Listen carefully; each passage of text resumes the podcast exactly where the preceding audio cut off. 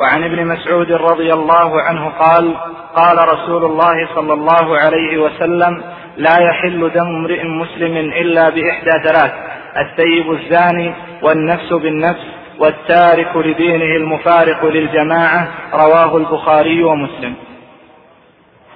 هذا الحديث حديث ابن مسعود رضي الله عنه فيه ذكر ما به يحل دم المرء المسلم. فإنه تقدم لنا قول النبي صلى الله عليه وسلم أمرت أن أقاتل الناس حتى يشهدوا أن لا إله إلا الله وأن محمدا رسول الله ويقيموا الصلاة ويؤتوا الزكاة. فإن فعلوا ذلك فقد عصموا مني دماءهم وأموالهم إلا بحق الإسلام وحسابهم على الله عز وجل. فهذا الحديث فيه أن دم المسلم معصوم وأنه إذا شهد أن لا إله إلا الله وأقام الصلاة وآتى الزكاة يعني أدى حقوق التوحيد فإنه معصوم الدم وحرام المال. هذا الحديث حديث ابن مسعود فيه الأحوال التي يباح بها دم المسلم الموحد الذي شهد أن لا إله إلا الله وأن محمدا رسول الله وأتى بحقوق ذلك. فقال عليه الصلاة والسلام لا يحل دم امرئ مسلم. وقوله لا يحل يعني يحرم وهو كبيرة من الكبائر أن يباح دم مسلم بغير حق. ولهذا ثبت عنه عليه الصلاة والسلام أنه قال لا ترجعوا بعدي كفارا يضرب بعضكم أعناق بعض.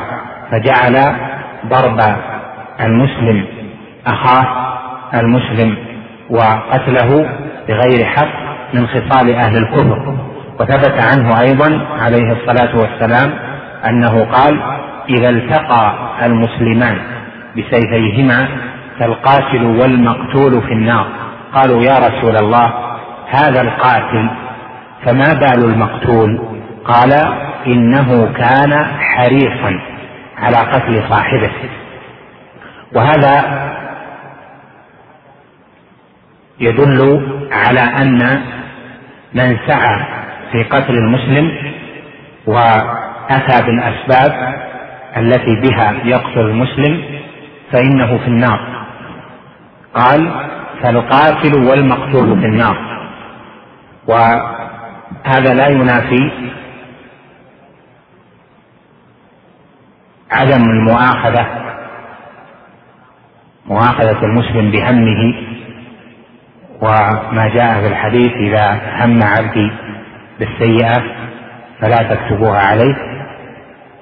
وفي الحديث الآخر أيضا الذي في الصحيح إن الله تجاوز لأمتي ما حدثت به أنفسها ما لم تعمل أو تتكلم لأن هذا الحديث الذي هو القاتل والمقتول في النار المقتول وإن لم يفعل فهو في النار لأنه قد سعى في الأسباب وعدم الحصول لم يكن لإرادته عدم الحصول وإنما لتخلف ذلك عنه بأمر قدري.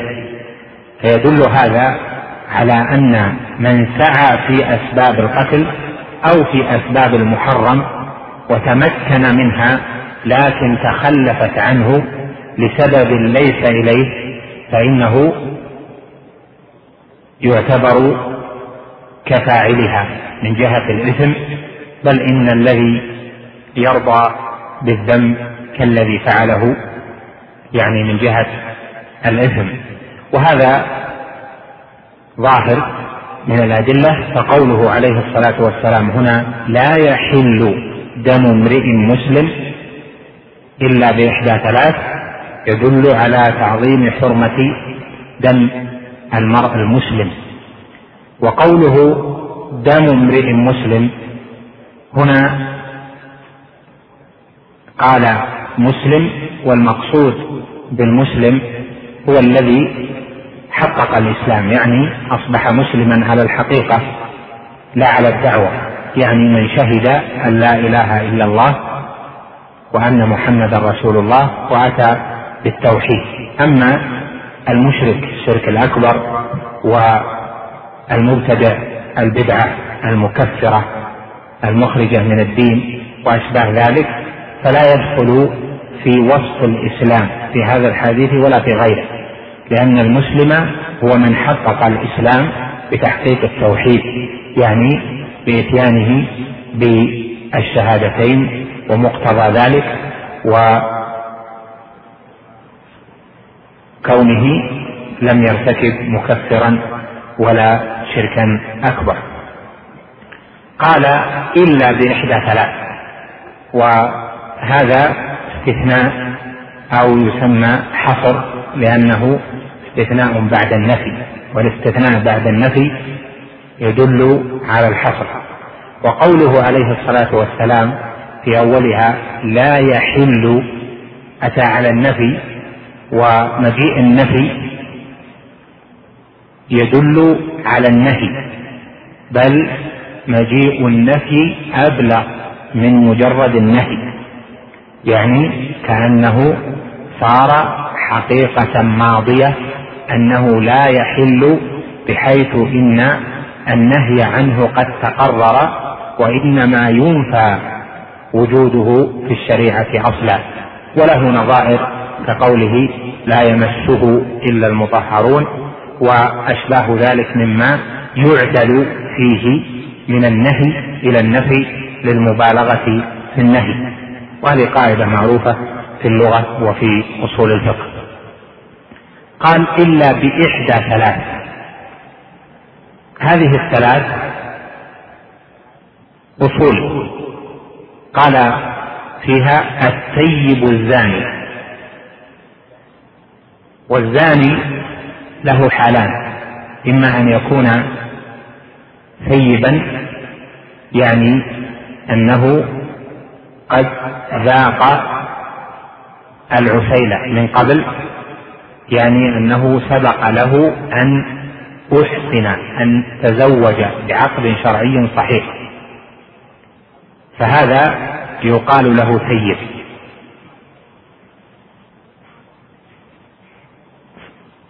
إذا كان كذلك فإنه لا يكون ثيبا بزنا. ولا يكون ثيبا بعقد فاسد باطل. ولا يكون ثيبا بعقد متعة متعة زواج وأشباه ذلك. لا يكون محصنا ثيبا في الشريعة إلا إذا تزوج نكح نكاحا صحيحا مستوفيا للشروط. فالثيب إذا زنى فإنه يحل دمه. وقد كان فيما أنزل ونسخ لفظه وبقي حكمه قوله جل وعلا والشيخ والشيخة إذا زنيا فارجموهما البتة نكالا من الله والله عزيز حكيم. وفيما بقي لفظا وحكما قول الله جل وعلا الزاني والزانية الزانية والزاني.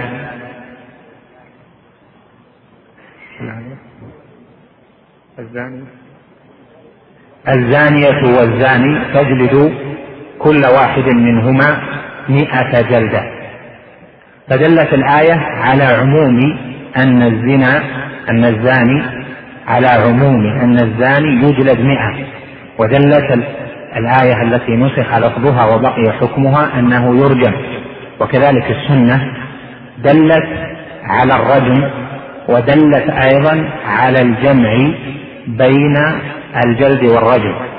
ولهذا اختلف العلماء في الزاني السيد هل يجمع له بين الجلد والرجم يعني هل يجلد اولا ثم يرجم أم يكتفى فيه بالرجم؟ والنبي عليه الصلاة والسلام رمى رجم أو أمر برجم ماعز والغامدية وأمر برجم اليهودي واليهودية وأشباه ذلك في حوادث تدل على أن الرجم فعل من غير جلد وقد قال بعض أهل العلم من الصحابة ومن بعدهم كعلي رضي الله عنه إنه يجلد ثم يرجم كما ثبت في صحيح البخاري رحمه الله أن عليا جلد زانيا ثيبا ثم رجمه فقال جلدته بكتاب الله ورجمته بسنة رسول الله صلى الله عليه وسلم. يريد رضي الله عنه أنه جلده بعموم قوله جل وعلا فاجلدوا كل واحد منهما مئة جلدة لأن الآية ليس فيها تفصيل هل هو محصن أو غير محصن هل هو ثيب أم بكر؟ والسنة فيها الرجم فدل هذا عنده رضي الله عنه على الجمع بين الجلد والرجم وهو رواية عن الإمام أحمد. وكثير من أهل العلم على الاكتفاء بالرجم لأن النبي صلى الله عليه وسلم اكتفى بالرجم في حوادث كثيرة. أو في حوادث متعددة حيث رجم ماعزا والغامدية واليهودي واليهودية دون جلد كما هو معروف. فقال بعضهم الجمع بين الجلد والرجم راجع إلى الإمام فيما يراه من جهة كثرة النكال والمبالغة فيه. المقصود من هذا أن السيب إذا زنى وتحققت شروط الزنا كاملة بما هو معروف بشهادة أربعة أو باعترافه على نفسه اعترافا محققا لا يرجع فيه أنه يرجم وذلك الوجه الأول. السيب إذا زنى وتحققت شروط الزنا كاملة بما هو معروف بشهادة أربعة أو باعترافه على نفسه اعترافا محققا لا يرجع فيه أنه يرجم وذلك حتى يموت. قال هنا السيب الزاني يعني يحل دمه يحل دم السيب إذا زنى. قال والنفس بالنفس. النفس بالنفس هذه كما قال جل وعلا في القرآن وكتبنا عليهم فيها أن النفس بالنفس. وقال جل وعلا كتب عليكم القصاص في القتلى الحر بالحر. والعبد بالعبد والأنثى بالأنثى الآية. فدل ذلك على أن النفس تقتل بالنفس فإذا اعتدى أحد على نفس معصومة فإنه يقتل إذا كان اعتداؤه بالقتل عمدا. ثم نظر أهل العلم في قوله النفس بالنفس. هل هذا عام؟ لا تخصيص فيه. أو هو عام مخصوص أو هو مقيد في أقوال لهم والذي عليه جمهور أهل العلم أن قوله النفس بالنفس هذا يقيد بأن النفس تكون مكافئة للنفس لدلالة السنة على ذلك. كما قال جل وعلا الحر بالحر والعبد بالعبد والأنثى بالأنثى. والسنة دلت على أن المسلم لا يقتل بكافر وعلى أن الحر لا يقتل بعبد. حتى في القصاص في الأطراف بين الحر والعبد لا توجد المكافأة. وهكذا.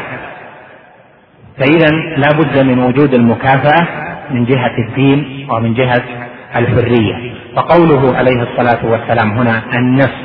بالنفس يعني فيما دلت عليه الآية آية البقرة ودلت عليه مواضعها من السنة أن النفس المكافئة للنفس.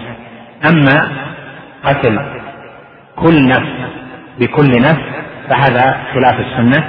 وذهب أبو حنيفة الإمام المعروف رحمه الله وأصحابه إلى أن المسلم يقتل بالكافر لعموم الآية وكتبنا عليهم فيها أن النفس بالنفس ولعموم الحديث وعلى أن العبد الحر يقتل بالعبد.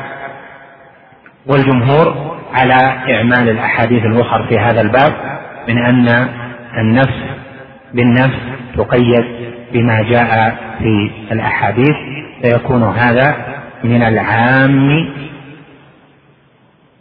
المخصوص. قال والتارك لدينه المفارق للجماعة. التارك لدينه فسرت بتفسيرين. الأول تارك لدينه يعني المرتد الذي ترك دينه كله فارتد عن الدين فيباح دمه. والتفسير الثاني أن التارك للدين هو من ترك بعض الدين مما فيه مفارقة للجماعة. يعني ترك بعض أمر الدين مما فيه المفارقة للجماعة. قالوا ولهذا عطف المفارق للجماعة على التارك لدينه. فقال والتارك لدينه المفارق المفارق للجماعة فجعل مفارقة الجماعة عطفا لبيان ترك الدين. فدل هذا على أن إباحة الدم في ترك الدين يكون بترك الجماعة وترك الجماعة يراد بها ترك الجماعة. التي اجتمعت على الدين الحق بمفارقته للدين وتركه للدين بما يكفره. والثاني يعني مفارق للجماعة جماعة الدين أو الاجتماع في الدين. والثاني أن المفارقة للجماعة يعني بالخروج على الإمام وتكون أو البغي ويكون المفارقة للجماعة المقصود بها الاجتماع بالأبدان. وهنا تكلم العلماء في كثير من المسائل التي تدخل تحت ترك الدين فجعلوا باب الردة فيه أو باب حكم المرتد فيه مسائل كثيرة بها يخرج المرء من الدين ويكون مرتدا بذلك. فكل مسألة حكم العلماء فيها على أنها من أسباب الردة أو بها يرتد المسلم فإنه بعد اكتمال الشروط وانتفاء الموانع يحل دمه يعني يحل دم المرتد. وكذلك المفارق للجماعة بالأبدان يحل دمه لقوله عليه الصلاة والسلام من آتاكم وأمركم جميع على رجل واحد يريد أن يشق عصاكم فاقتلوه كائنا من كان. فدل هذا على أن ترك الجماعة ومفارقة الجماعة يحصل بترك الدين بالرده عن الدين وبمفارقة الاجتماع على الإيمان. وهذا ظاهر بين في تعليق ترك الدين بمفارقة الجماعة. ولهذا جعل أهل العلم في ترك الدين هذا كل المسائل التي يقتل بها. إذا تقرر هذا فإن إحلال الدم هذا متوجه إلى الإمام إمام المسلمين فإنه لا يجوز لأحد أن يستبيح دم أحد لأنه عنده قد أتى بشيء من هذه الثلاث. فإذا قال أنا رأيت هذا يزني رأيته بعيني فاستبحت دمه لذلك. فإنه يقتل ولا يجوز له لأن الله جل وعلا جعل ثبوت الزنا منوطا بشهادة أربعة ولو شهد ثلاثة من أعظم المسلمين صلاحا على حصول الزنا وأنهم رأوا ذلك بأعينهم لا درئ الحد ولا أقيم علي على هؤلاء الصلحاء حد القذف لأنهم قذفوه ولم يكمل أربعة من الشهداء كما هو بين لكم في أوائل سورة النور. كذلك من قال هذا ارتد عن دينه فأنا أقيم عليه. الحد وأقتله وأبيح دمه لأجل هذا الحديث فإن هذا استئاد وتعد ولا يباح له أن يفعل ذلك ودمه لا يحل لكل أحد. فإذا قوله عليه الصلاة والسلام لا يحل دم, دم امرئ مسلم إلا بإحدى ثلاث إحلاله لولي الأمر أو لنوابه ممن جعل الله جل وعلا إليهم إنفاذ الحدود وقتل من يستحق القتل. أما لو جعل هذا لكل أحد لصار في ذلك استباحة عظيمة للدماء إذ المختلفون كثيرا ما يكفر أحدهم الآخر إذا لم يكونوا من أهل السنة والاعتدال. فإذا قيل بظاهره ولا قائل به فإنه يعني أن من حكم على الآخر بأنه كافر فإنه ينفذ ذلك. ثم ها هنا مسألة متعلقة بذلك. إذا كان في بلد لا يوجد إمام أو ولي أمر ينفذ الأحكام. فهل للمسلم إذا ثبت عنده شيء من ذلك أن ينفذ الأحكام؟ والجواب لا كما هو قول عامة أهل العلم إذ يشترط لإنفاذ الأحكام التي فيها استباحة للدم أو المال أو الأعراض أو ما أشبه ذلك. هذا إنما يكون للإمام. فإذا لم يوجد لم يجوز لأحد أن ينفذ هذا إلا في حالة واحدة وهو أن يأتي أحد إلى من يرى فيه العلم أو الصلاح ويقول أنا ارتكبت حدا فيما دون القتل. يعني ارتكبت زنا وكان غير محصن أو قال شربت الخمر أو قذفت فلانا فطهرني بالجلد يعني بما دون القتل فهذا لا بأس به عند كثير من أهل العلم لأن التطهير لأن إرادة التطهير له وإذا جلد فإن هذا له وليس فيه استباحة للدم. أما استباحة الدم أو تطبيق الحدود في غير من, من في غير حال من يرضى بتطبيقها عليه فإنه لا يجوز بقول عامة أهل العلم. فتلخص من هذا أن إقامة هذه الأشياء راجعة إلى الإمام ولي الأمر المسلم أو من ينيبه.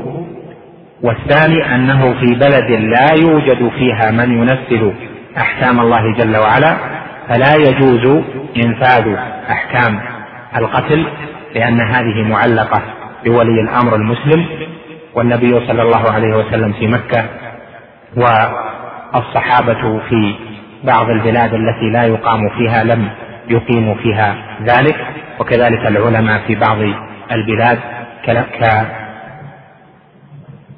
كما كان في الدولة العبيدية وأشباه ذلك فإن العلماء لم يقيموا الحدود بالقتل وأشباه ذلك.